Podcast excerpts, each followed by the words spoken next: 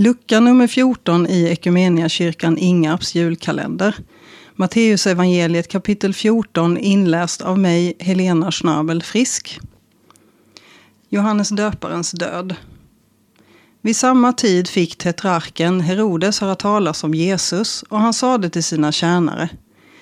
Det är Johannes döparen, han har uppstått från de döda och därför kan sådana krafter verka genom honom. Det var så att Herodes hade låtit gripa Johannes och slå honom i bojor och sätta honom i fängelse.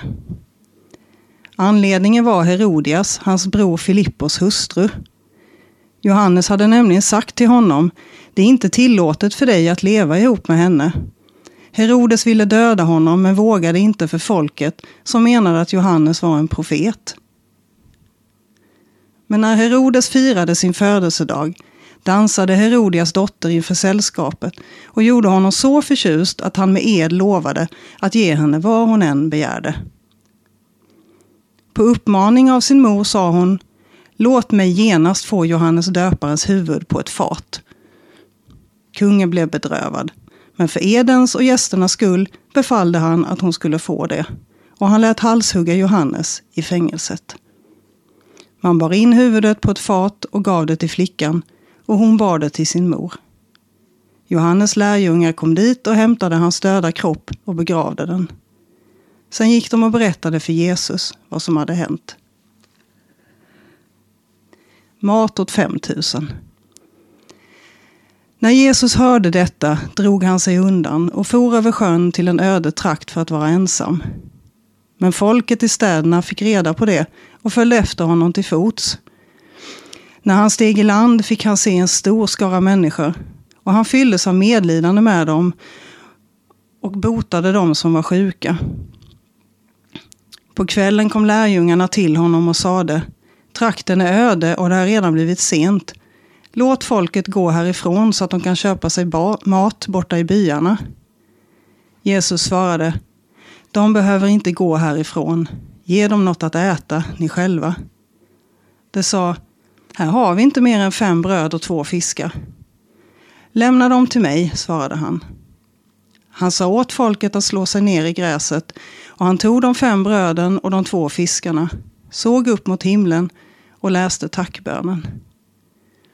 Sedan bröt han bröden och gav dem till lärjungarna och lärjungarna gav dem till folket. Alla åt och blev mätta och man samlade ihop de överblivna bitarna, tolv fulla korgar.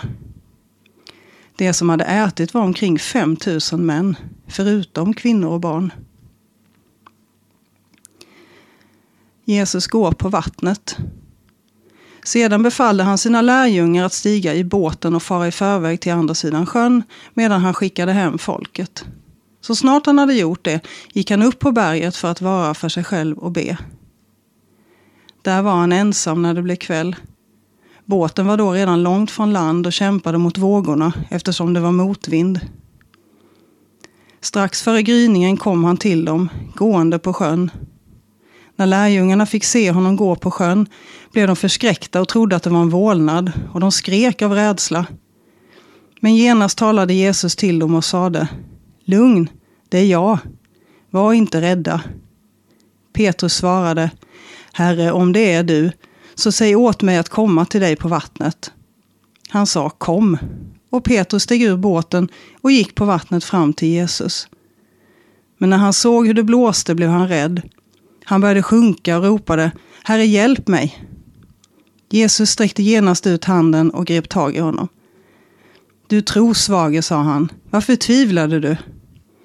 De steg i båten och vinden la sig. Och det som var i båten föll ner för honom och sade du måste vara Guds son. De sjuka i Genesaret. När de hade farit över sjön kom de till Genesaret. Männen på platsen kände igen honom och skickade ut bud i hela trakten. Och man förde till honom alla som var sjuka och bad honom att de åtminstone skulle få röra vid tofsen på hans mantel. Och alla som rörde vid den blev friska. Låt oss be. Tack Herre för att du i varje ögonblick i våra liv alltid ger oss hopp. Tack för att vi i alla de svåra stunder vi kan hamna i av olika anledningar alltid kan känna att du finns där. Att du alltid håller en hand på vår axel eller leder oss i rätt riktning. Ger oss tecken som vi inte alltid vet vad de betyder från början. Men som vi bak efter kan se att det var du som var där.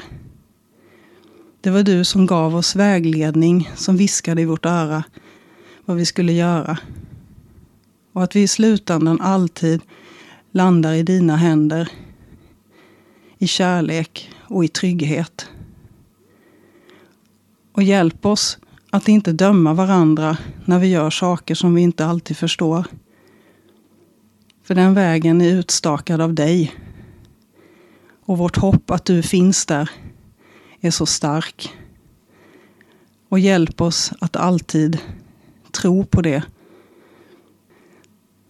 För vi är alltid dina barn i allt vi gör och allt vi tänker. Amen. Alltid ny när varje morgon gryr.